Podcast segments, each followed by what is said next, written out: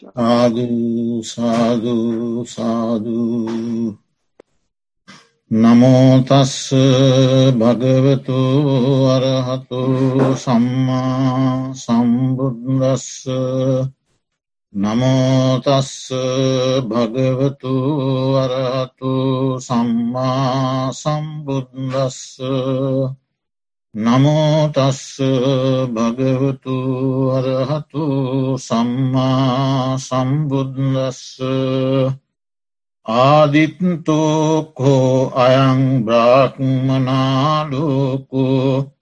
ජරායව්‍යාදිනාමරණේන යෝ ඉදකායේන සංඥමෝ වාචාය සංඥමෝ මනසා සංඥමෝ තන්තස්ස පේතස්ස තානංචලේනංචදීපංච සරනංච පරායනංචාති.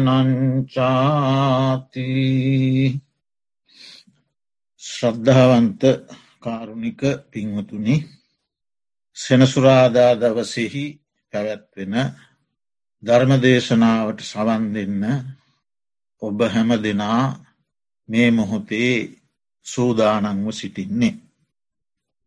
බුදුරජාණන් වහන්සේ සැවැත්නුවර ජේතවනාරාමයෙහි වැඩවාසය කරන දවසක වයසක බමුණො දෙන්නෙක් අවුරුදු එකසිය විස්සක් පමණ වන බමුණො දෙන්නෙක් බුදුරජාණන් වහන්සේ මුණගැහෙන්නට පැමිණියා. එකත් පසක වාඩි වෙලා මේ විදිහේ ප්‍රකාශයක් කළා. ස්වාමීනී භාග්‍යවතුන් වහන්ස අපි දෙන්න දිරාපත් වන වයවෘර්ධ භාවයට පත් වන මහළු බවට පත් වන බොහෝ වයස ගෙවී ගිය පැසුණු අයසට පත් වන මහල්ලු දෙන්නෙක්. ඉතිං අපි දෙන්නට කුසලයක් කරන්නට බැරි වුණ. කල්්‍යයාන කර්මයක් කරන්නටත් බැරි වුණ. බයට පිහිටක් සලසා ගන්නටත් බැරි වුණ. ඒ නිසා භාග්‍යවතුන් වහන්සේ අපට දීර්ඝ කාලයක් හිතසුව පිණිස පවතින යම් ධර්මයක් වේ නම් එය දේශනා කරන සේක්වා කියලා ඉල්ලීමක් කළා. බුදුරජාණන් වහන්සේ ඒ දෙදෙනාගේ ඉල්ලීම බොහෝම කරුණාවෙන් භාරගත්තා. භාරගෙන දේශනා කළා බමුණ ඔබ කියන්නේ සැබෑවක්. ඔබ දැන් දෙදෙනාම දැන් බොහොම දිරාපත් වෙලා වයවෘර්ධ වෙලා මහළු වෙලා වයස් ගත වෙලා පැසුණු වයසට පැමිණිලා. එක ඇත්ත. ආදිත්තෝකෝ අයං බ්‍රාහ්මනා ලෝකෝ ජරාය ව්‍යාදිනා මරණයන. බමුණ මේ ලෝකය ඇවිලෙනවා. කුමකින්ද ජරාවෙන් ව්‍යාදියෙන් සහ මරණයෙන්. එසේ ඇවිලෙන ලෝකයෙහි යම් කිසි කෙනෙක් කයෙන් සංයමය ඇති කරගන්නවා නං වචනයෙන් සංයමය ඇති කරගන්නවා නං මනසින් සංයමය ඇති කරගන්නවන. පරලෝසපත් වූ කල්ලි මියගිය කල්ලි මරණයට පත්වන කල්හි ඔහුට ආරක්ෂාව රැකවරණය පිහිට ඔහුට දිවඉන්න බවට පත්වෙන්නේ ඒ කයෙන් වචනයෙන් මනසින් ඇතිකර ගන්න සංයමයයි කියලා බුදුරජාණන් වහන්සේ දේශනාකොට වදාළ. දැන් මේ දේශනාවෙන් අපි පැති කීපයක් සාකච්ඡා කරන්නට බලාපොරොත්තු වෙනවා. බුදුරජාණන් වහන්සේ දේශනා කළා ආදිත්තෝකෝ අයං බ්‍රාහ්මනා ලෝකු. මේ ලෝකය ඇවිල ගනිමින් පවතිනවා. ඇවිලෙනවා. එතන අපිට සාකච්ඡා කරන්න වචන දෙකක් තිබෙනවා. ලෝක කියන වචනයක් ආදිත්ත කියන වචනයක්. ඉන් පසු අපිට කතා කරන්න වෙනවා ඒ ඇවිලමින් පවතින ලෝකයේ කළ යුතු යහපත්ම දේ පිළිබඳ. කායේන සංඥම වාචාය සංඥම මනසා සංඥම සංගමය. පළමෙන් අපි ලෝකය ගැන බලමු. නිර්දේශ පාලි ග්‍රන්ථවල ලෝකයේ විස්තර කරලා තියෙන්නේ මෙහෙමයි. ලෝකෝත්‍රි නිරය ලෝකෝ තිරච්ඡාන ලෝකෝ පෙත්ති විෂය ලෝකෝ මනුෂ්‍ය ලෝකෝ දේවලෝකෝ කන්ද ලෝකෝ ධාතු ලෝකෝ ආයතන ලෝකෝ අයං ලෝකෝ පරෝලෝකෝ බ්‍රහ්ම ලෝකෝ සදේවකෝ. ඒ ලෝකය විස්තර කර හැකි. නිරය තිරිසන්ලෝකය ප්‍රේතලෝකය මනුෂ්‍යලෝකය දේවලෝකය පංචු පාදානස්කන්දලෝකය ධාතුලෝකය ආයතනලෝකය මේ ලෝකය පරලෝකය දෙවියන් සහිත බඹලොව. ඒ ලෝකයේ පිළිබඳ විස්තරය. ඒ එක ක්‍රමයක් තව ක්‍රම තියනවා. එක්තරා ස්වාමින්වහන්සේ නමක් බුදුරජාණන් වහන්සේගෙන් විමසනවා ස්වාමීනී භාග්‍යවතුන් වහන්ස ලෝකය ලෝකය කියලා කියනවා. කොතැනකින් ලෝකය වෙද්ද. කොපමනකින් කොතනකින් ලෝකයයි කියන්නට සුදුසුද. බුදුරජාණන් වහන්සේ දේශනා කරනවා ලුජ්ජ තීතිකෝ බික්කු තස්මා ලෝකෝති උච්චති. මහන යම්කිසි ආකාරයකින් බිදේද විනාශවේද බිඳෙනවනම් වෙනස්සෙනවනම් එහෙයින් ලෝකයයි කියනු ලැබි. එනිසා ලෝකය කියන්ට සුදුසු ඒක තමයි ලෝකය බිඳෙනවා වෙනසෙනවා. කුමක් බිඳෙයිදයක් මොකක්ද බිඳෙන්නේ. චක්කුම් කෝභික්කවේ ලුජ්ජති ඇස බිඳෙනවා. ඇසට පේන රූප බිඳෙනවා. චක්කු විඤ්ඥානය බිඳෙනවා ස්පර්ශය බිඳෙනවා සැප දුක් මැදහත් වේදනා බිඳෙනවා. ඒ වගේම කන ශබ්ද විඤ්ඥානය ස්පර්ශ වේදනා. නාශය ගන්ධ විඤ්ඥාන ස්පර්ශ වේදනා. දිව රස විඤ්ඥාන ස්පර්ශ වේදනා. කය පොට්ටබ්බ ස්පර්ශ වේදනා ස්පර්ශ වේදනා. මනස සිතුවිලි විඤ්ඥානය ස්පර්ශ වේදන. ඔය හතලිස් දෙක්කම බිඳෙනවා. ඒ නිසා ලෝකයයි කියනු ලැබි. ඒ සංයුක්ත නිකායේ සලායතන සංයුක්තයේ. ඔක්කම හතලිස් දෙහකට ගොනු කරලා මේ සමස්ත ලෝකය ඒ හතලිස් දෙකට අයිති සියල්ලම බිඳෙනවා. ඒ නිසා ලෝකයයි කියනු ලැබේ. තවත් ක්‍රමයක් තියෙනවා. ඒ තියෙන්නේ පටි සම්බිධාවේ. විපත්ති බව ලෝකෝ විපත්ති සම්භව ලෝකෝ. සම්පත්ති භවලෝකෝ සම්පත්ති සම්භවලෝකෝ. නිරය තිරිසං ප්‍රේත අසුර සතර අපාය. විපත්ති භවලෝකය. ඒ සතර අපායෙහි උපදින්නට හේතුවන අකුසල කර්ම විපත්ති සම්භවලෝක. සම්පත්ති භවලෝක කියන්නේ නිර දිවියලෝක හය මනුෂ්‍ය ලෝකය සහ බ්‍රහ්ම ලෝක. එව සම්පත්ති භවලෝක. ඒවාහි සැප සම්පත් විඳින්ට වමනා කරන කුසල කර්ම සම්පත්ති සම්භව ලෝක. ඔය විදිහට දුගතියයි සුගතියයි. ලෝක දෙකයි. තනි වචනයෙන් කිව්වොත් දුගතිය සුගතිය. දුගතියේ උපදීමට හේතුවන කුසල කර්ම සුගතය උපදීමට හේතුවන කුසල කර්ම. හේතු දෙකයි පල දෙකයි. ලෝකය. ඒත් ලෝකයේ පිළිබඳ එක් විග්‍රහයක්. තව ගොඩා ක්‍රම තියනවා. ඒ සියලූම ක්‍රම සාකච්ඡා කරන්න මේ වෙලාවත් මදි. නමුත් අපි බලමු තව ක්‍රමයක්. සත්ව ලෝක සංස්කාර ලෝක අවකාශ ලෝක. ධර්මය ඉගැන්වන තවත් ලෝකයේ පිළිබඳ විග්‍රහයක්. මේ ලෝකයේ ජීවත්වෙන සියලූම සත්ව සමූහයම සත්ව ලෝක. යම්තාක් සත්වයෝ වෙද්ද. ඒ සියල්ලම සත්ව ලෝකය. එයින් අන්‍ය වූ ගසු වැල් පොළව කඳුහෙල් මම්මාවත් මේවා සියල්ලම අවකාශ ලෝක. බාහිර අපිට දකින්න තිබෙන දේ ගස්වැල් කඳු හෙල් මිටියාවත් ඒව කෝම අවකාශ ලෝකේ. ඒ ලෝක දෙකටම අයත් ශක්තයන්ගේ චිත්ත සන්තාන තුළ පහළවන වේදනාදී ධර්මත් ඒ දෙකටම අයත් රූපාදී සංස්කරූප වේදනාදී සියලූම සංස්කාර ධර්ම. ඒව සංස්කාරලෝක. ඒ විදියට සත්වලෝකය අවකාශලෝකය සංස්කාරලෝකය කියලා තුනකට බෙදල තියෙනවා. එතනදී සංස්කාරලෝකයේ වශයෙන් ප්‍රත්තියෙන් සකස් කරනු ලබන. ශවිඤ්ඥානක අවිඤ්ඥානක සියලූම සංස්කාරයෝ. සිත් ඇති සිත් නැති. හේතු ප්‍රත්්‍යයන්ගෙන් සකස් කරන. සියලුමදී සංස්කාරලෝක.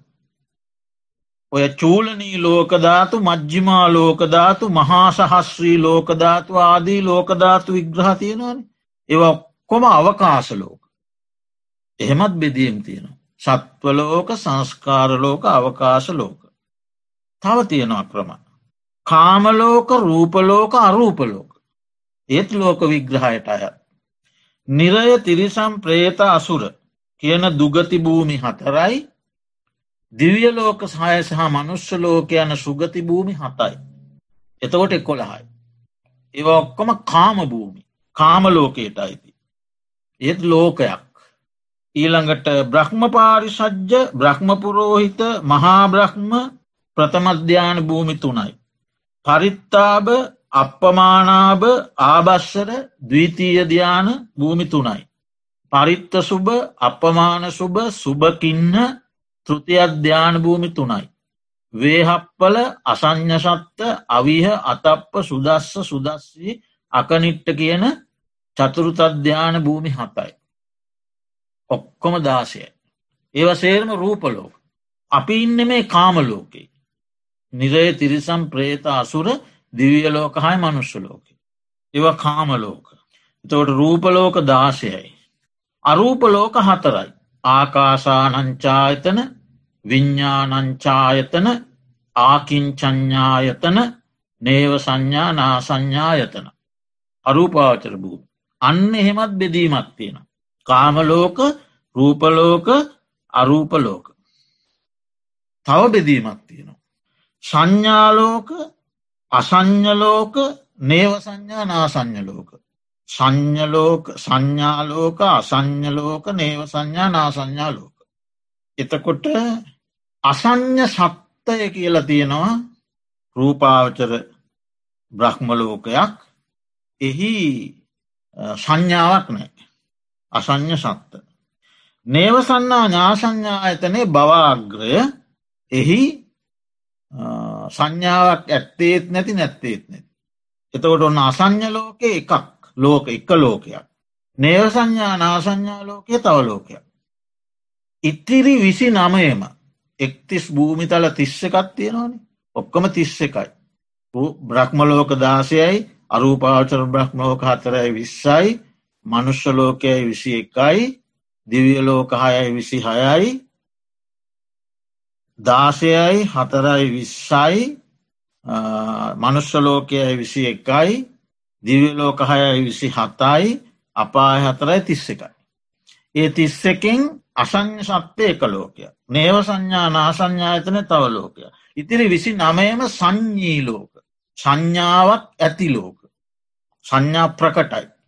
එහෙමත් ලෝකය ගැන බෙදීමක් තියෙනවා. තවත් බෙදීම් තියෙනවා. ඒකවෝකාර චතුවෝකාර පංචවෝකාර ලෝක. එක ස්කන්දයක් පමණක් ඇති ලෝක ඒකවෝකාරයි. ස්කන්ද හතරක් ඇති ලෝක චතුවෝකාරයි. ස්කන්ද පහක් ඇති ලෝක පංච වෝකාරයි. එහෙමත් ලෝකෙ පිළිබඳව ක්‍රම තියෙනවා. නොයෙක් නොයෙක් නොයෙක් ආකාරයේ ධර්මය සඳහන් වෙනවා ඒ පිළිබඳව. තව දුරටත් සමිද්දී කියන සාමෙන් වහන්සේ බුදුරජාණන් වහන්සේගෙන් අහනවා ස්වාමීනී භාග්‍යවතුන් වහන්ස ලෝකය ලෝකය කියලා කියනවා. කොපමනකින් ලෝකවෙද්ද ලෝක ප්‍රඥප්තිවේද ලෝකය යන පැනවීම වේද. කොපමනකින් ලෝකයේ වේද කොපමනකින් ලෝකයේ යන පැනවීම වේද. බුදුරජාණන් වහන්සේ දේශනා කරනවා අත්ති සමිද්ධි චක්කු සමිද්ධිය මේ ඇස තියෙනවා නං රූපේ තියෙනවා නම් චක්කු විඤ්ඥානය තියෙනවා නම් තියෙනවා. එතකොට අත්ති චක්කු විඤ්ඥාන විඤ්ඥා තබ්බා දම්මා. චක්කු විඤ්ඥානයෙන් දතයුතු ධර්ම තිබෙනවන. දැන්වන හොඳට පැහැදිලි කරගන්න ඇස තිබෙනවා නම් රූප තිබෙනවා නම් විඤ්ඥානය තිබෙනවනම්.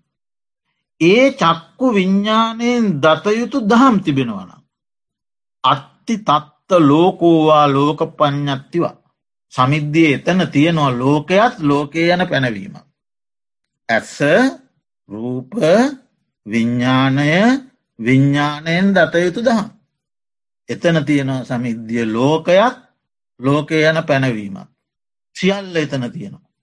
ඒ වගේම කන තියෙනවා නම් ශබ්ද තියෙනවා නම් කනෙහි විඤ්ඥානය තියෙනවා නම් සබ්දය දැනීම ඒ විඤ්ඥානයෙන් දතයුතු දහම් තියෙනවා. අන්න එතන ලෝකයේ තියෙනවා ලෝකය යන පැනවීම තියෙනවා. දැන් ඔයි පින්වතුන්ට හිතාගන්න පුළුවන්. නාසය ගඳ සුවඳ විඤ්ඥානය විඤ්ඥානයෙන් දතයුතු දහම්. දිව රස විඤ්ඥානය විඤ්ඥානයෙන් දතයුතු දහම්. කය පහස විඤ්ඥානය විඤ්ඥානයෙන් දතයුතු දහම්. මනස සිතුවිලි විඤ්ඥානය විඤ්ඥානයෙන් දතයුතු දහම්. ඔතන තියෙනවා ලෝකේ. ඔය ටික තියාගෙන තමයි මේ මහා ලෝකයක් කල්ලගෙන දගලන්න. අපි කවුරුත්. ඔතන තියෙනවා ලෝකයත් ලෝක ප්‍රඥ්ඥප්තියත් පැනවීමත් ලෝකය යන පැනවීමත් තියෙන. හිතල බලන්න. තව ක්‍රමයක් තියෙනවා. බුදුරජාණන් වහන්සේගෙන් විමසනවා බුදුරජාණන් වහන්සේ දේශනා කරනවා මහනිනි ගමනින් ලොව කෙලවර දත හැකියයි දැක්ක හැකියයි පැමිණිය හැකියයි මම නොකියමි. ගමන් කරලා ගමන් කරලා ලොව කෙලවර දැනගණ්ඩ පුළුවන් දකින්ඩ පුළුවන් කෙලවරට පැමිණෙන්ට පුළුවන් කියලා මම කියන්නේ. නමුත් මහන්නේ. ලොව කෙලවරට නොපැමිණ පැමිණෙන්නේ නැතිව දුක්කෙහි කෙලවර කිරීමකදු මම නොකියෙන්. හරි පුදුම ප්‍රශ්නයක්. ගමනින් ලෝකයේ කෙලවරට අන්ඩත් බැහැයි කියන. ලෝකයේ කෙලවරට නොගොස් දුක කෙලවර කරන්නටත් බැහැයි කියන. බුදුරජාණන් වහන්සේ දේශනා කරනු. දේශනා කරලා විහාරයට වැඩිය. ඉතින් දැන් ස්වාමීන් වහන්සේලා මේ ප්‍රශ්නය රංගියා ආනන්ද ස්වාමීන් වහන්සේ ළඟට. ගිල්ල කිව්ව ඇවැත්නී භාග්‍යවතුන් වහන්ස මෙහෙම ප්‍රකාශයක් කරලා විහාරයට වැඩිය. ගමනින් ලොව කෙලවර දැකිය නොහැකි දැකිය හැකියයි මම නොකියමි ලොව කෙලවරට නොපැමිණ දුකෙන් මිදීමකොද මම නොකියම. දුකෙහි කෙලවර කිරීමකද මම නොකියමි. එහෙම දේශනා කරලා වැඩිය. මොකදද මේකට උත්තරේ. ඔන්න ආනන්ද ස්වාමීන් වහන්සේ දේශනා කරනවා ඇවැත්නී මේ ලෝකයෙහි අපි ජීවත් වෙන මේ ලෝකයෙහි. ලෝකය යන දැනීම ඇත්තේ ලෝකය යන හැඟීම ඇත්තේ යමක් නිසාද. අපි ජීවත් වෙන මේ ලෝකයේ අපිට ලෝකයේ යන හැඟීම ඇතිවන්නේ ලෝකය යන දැනීම ඇතිවන්නේ. යමක් නිසාද. අන්න ඒ දේට මේ ශාසනය ලෝකය කියලා කියනවා. දැන් හිතල බලන් අපි එක එක්කනත් දැන් මේ මොහොතේ හිතන් මේ ලෝකය අපිට දකිින්ඩ බැරි තරම් පරාශයක් තියෙනවා. එකොපමණ තිබ්බත් අපිට මේ ලෝකයේ පිළිබඳ දැනීම ඇතිවන්නේ හැඟීම ඇතිවන්නේ කොහෙන්ද. ඇස කන නාසය දිව කය මනස හරහා නොවේද. ඔය ඉන්ද්‍රිය පද්ධති හරහා තමයි මේ සා විශාල ලෝකයේ පිළිබඳ අප මේ ලෝක තර්ක විතර්ක සංඥා ගොඩ නගන්න. හැඟීම් දැනීම් තර්ක විතර්ක සියල්ලම ගොඩනගන්න මේ හය හරහා. ඒ නිසා ආර්ය විනයේ මේ හයට කියනවා ලෝකය කියලා. දැන් ඉතින් මේ මෙතන මේ ලෝක ටිකක් තමයි මේ බනාහන්නේ. ලෝකයක් තමයි මේ ධර්ම දේශනා කරන්න. මේ තම ලෝක ඉන්ද්‍රී හයක්.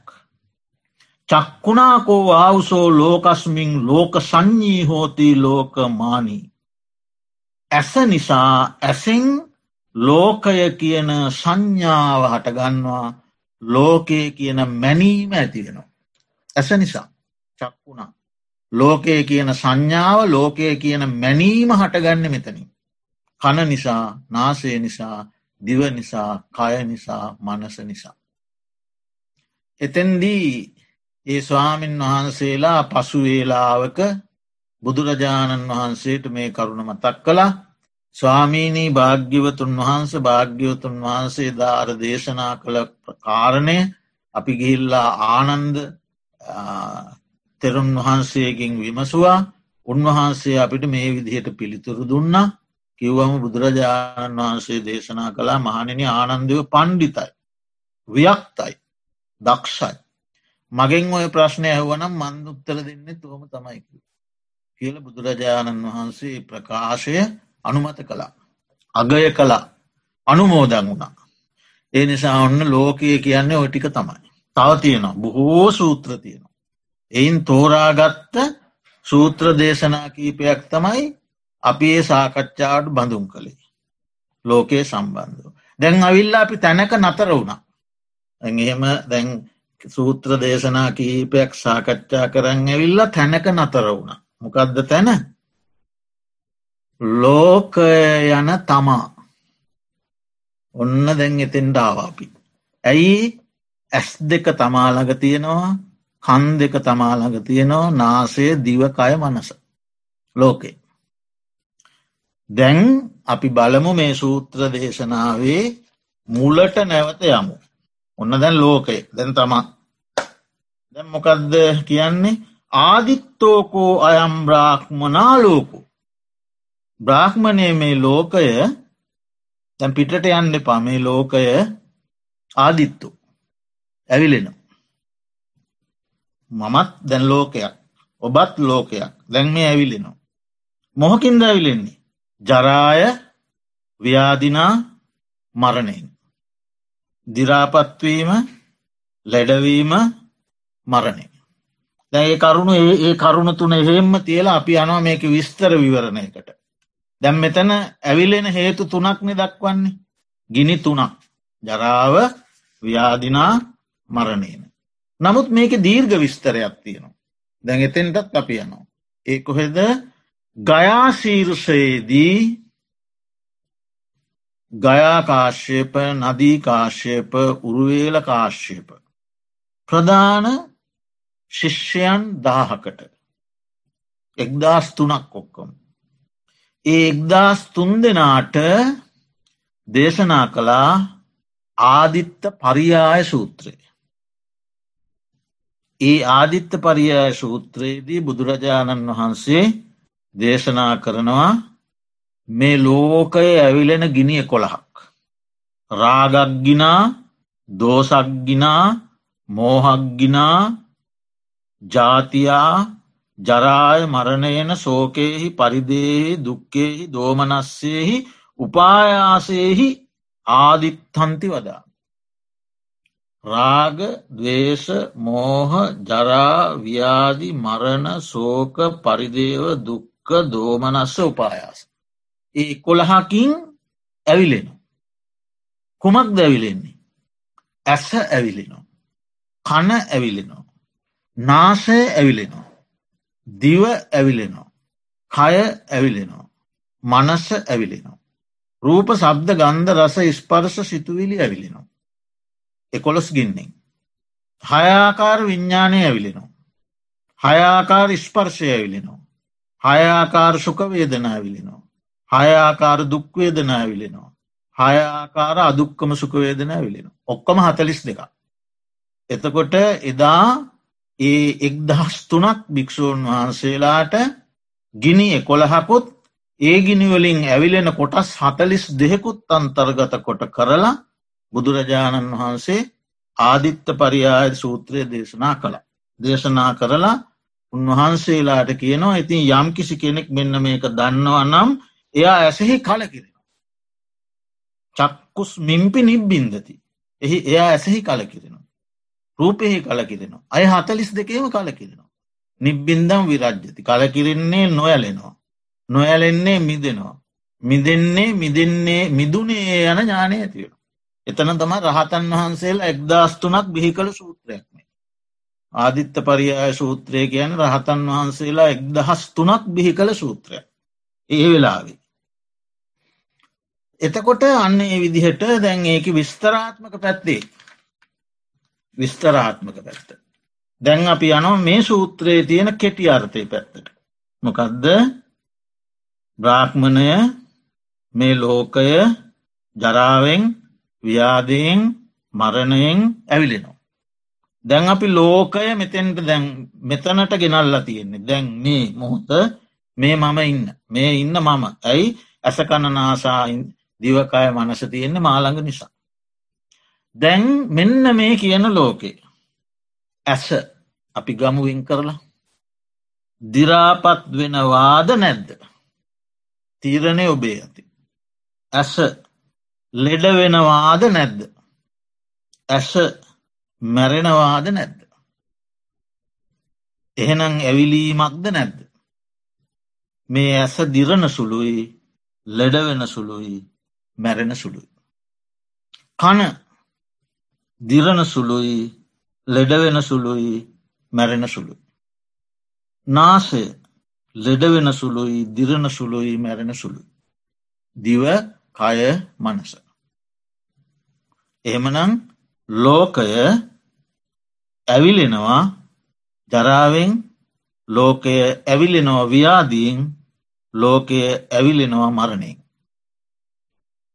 එතකොට ඒ නිසා බුදුරජාණන් වහන්සේ දේශනා කරනවා යෝ ඉද කායේන සංඥමෝ වාචාය සංඥමෝ මනසා සංඥමෝ. යමෙක් මෙහි මේ ඇවිලෙන දැවෙන මෙහි මේ ලෝකයෙහි යමෙක් කායේන සංඥමෝ වාචාය සංඥමෝ කියන්නේ සීලය. කයයි වචනයයි දෙකෙහි ඇති කරගන්නා වූ සංවරය. ප්‍රාණගාතයෙන් සොරකමෙන් කාමෙහි වරදව හැසිරීමෙන් වෙන්විනවා. බොරුවෙන් කේලමෙන් හිස්වචනයෙන් පරුෂවචනයෙන් වෙන්වෙනවා.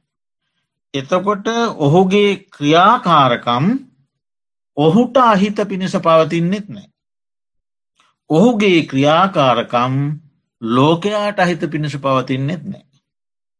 යමෙක් ප්‍රාණගාතයෙන් හොරකමෙන් කාමෙහි වරදවා හැසිරීමෙන් වෙන් වෙන කොටම ඔහු ඔහුටද ඔහු ඇසුරු කරන්නාටද සමස්ත මුළු මහත් ලෝකයටද හිත සුක්ක සුව පිණිස පවතින කෙනෙක් වෙනවා. ඔහු නිසා ලොවට අහිතක් අවැඩක් අනර්ථයක් පීඩාවක් වෙන්නේ නෑ. හොඳද නරකද. කායේන සංඥමෝ වාචාය සංඥමෝ.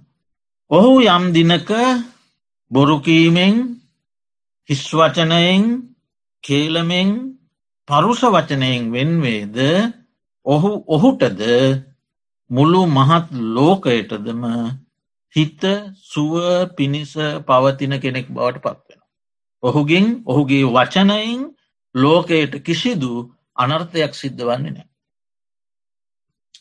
ඒක ආශිර්වාදයක්. අන්න කයෙන් සහ වචනයෙන් සංඥමුණා. ඒක විතර ඉතිරි. ඉට පස්සේ මනසා සංයමු. මනසෙහි සංයමය. ඒ කුමක්ද සමාධිය. කයවචන දෙකේ සංයමය ඇතිකරගෙන අත්තහිත පිණිස තමන්ගේ ක්‍රියාවල් යොදෝපු පර විපත පිණිස තමන්ගෙන් කිසිවක් සිදු නොවන ඒ සීලාචාර මිනිසා. ඊළඟට මනසට අවධානය යොමු කරනවා මනසය සංයමෙන්. ඒවා මේ සූත්‍රයේ විස්තර කරලනෑ නමුත් ඒවැන් අපි ගන්න තියෙන්නේ දසාසුභ දසානුස්සති දස කසින සිව්බඹ විහරණ චතුධාතු අවත්තාන ආහාරයේ පටික්කූල සංඥා ආදී සමසතලිස් කර්මස්ථානයන්ගෙන් තමන්ගේ චරිතයට ගැලපෙන්න්නා වූ භාවනා අරමුණක් ඉගෙනගෙන එය තමන්ගේ චිත්ත සන්තානය තුළ ප්‍රගුණ කරලා මනස නීවරණාදියෙන් කෙලෙසෙන්න්නට ඉඩ නොදී මනසට අවශ්‍ය කරන ආහාර ලබාදී. මනසට ආහාරය භාවනාව. කයට ආහාර මෙන්ම මනසට ආහාර අවශ්‍යය. තකොට මනස දූෂිත වෙන්නේ ක්ලේෂයන්ගින්. ලෝබදේශ මෝහ මානදිට්ටි විචිකිච්චා තියන උද්දච්චා හිරිකානොත්තප්පාදී ක්ලේෂයන්ගෙන් දූෂිත වන මනස. කායවාක් සංයමය තුළින් යම්කිසි පදනමක් හදාගත්ත කෙනා ඒ සිත දූෂිත වන්නට නොදී එහි සංයම භාවය පිණිස අර කියන ලද භාවනා ආරමුණක සිත ප්‍රගුණ කරනවා. ඒ තුළින් නීවරණ යටපත් කරනවා. නිවන ආවරණය කරන කුසල් මග වසන නීවරණ තියෙනවා. ඒවා වලක් වනවා ඒවා යටපත් කරනවා. යටපත් කරලා සමාහිත හිතකින් වාශය කරන්නට ටික ටික නමුත් පුරුදු කරගන්න. දැන් ඔහු පුහුණු කරපු ක්‍රම තුනක් තියෙනවා ළඟ. ආයුධ තුනක් තියෙනවා. දැම් ඒත් මේ පැත්තිෙන් දිවීම මැරීම වෙනවා. ඇස දිරනවා ඇස ලෙඩ වෙනවා ඇස මැරෙනවා. ඒවත් ඒ ආකාරයෙන් වෙනවා. මෙයා මෙහෙන් ප්‍රගුණ කිරීමකුත් කරනවා. එතකොට එයා ලෝක ස්වභාවය තේරුම් ගත්ත කෙනෙක්. ඒ දිරීම ලෝක ස්වභාවයක් කියලා එය දකිනෝ. ඒක නොවැලැක්විය හැකි දෙයක් කියලත් දකිනෝ. ඒවට යම් යම් යම් යම් තාවකාලික පිළියමුත් තියෙන බව දකිනෝ. නමුත් ඒ ජරාව්‍යාදි මරණ ස්වභාවිකයි ආගති ගති චුති උපපත්ති.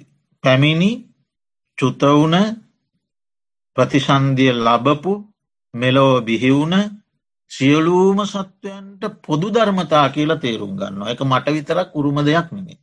පොදු ධර්මතා කියල දකිනවා. දැකලා ඔහු යම්කිසි මානසික වශයෙන් අවබෝධයෙන් යුක්තෝ ජීවත් වෙනවා එම පිළිබඳ.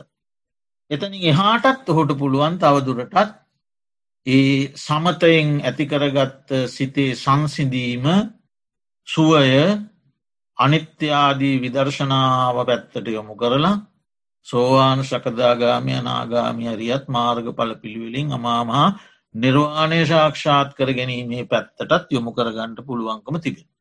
ඉතින් මේ දේශනාවේ ඊළඟට බුදුරජාණන් වහන්සේ ගාතහා දේශනාවක් කරනවා. මොකක්දේ ආදිත් තස්මින් අගාරස්මින් යන් නීහරති භාජන. තන්තස්ස හෝති අත්තාය නෝචයන් තත්ත ඩයිහති. අර බමු නොදෙන්නට කියනවා ගෙයක් ගිනිගන්නා කල්හි. ගෙයක් ගිනිගන්නවා. අපි හිතල බලමේ අවස්ථාව ගිනිගන්නකොට මොකද අපි කරන්න. අපි වහා උත්සාහ කරන. අපි අවදියෙන් ඉන්නවා නම් අපිට ගිනිගන්නා බව දැනෙනවන. දකිනවන. උනැම කෙනෙකු වහාම කරන්නේ ගින්න නිවීමට උත්සාහ කිරීම. ඒ වගේම අපිට හැකියාව තියෙනවා නම් ගේ ඇතුළත තිබෙන අතට හසුවන හසුවන බඩුමුට්ටු එලියට ගන්න.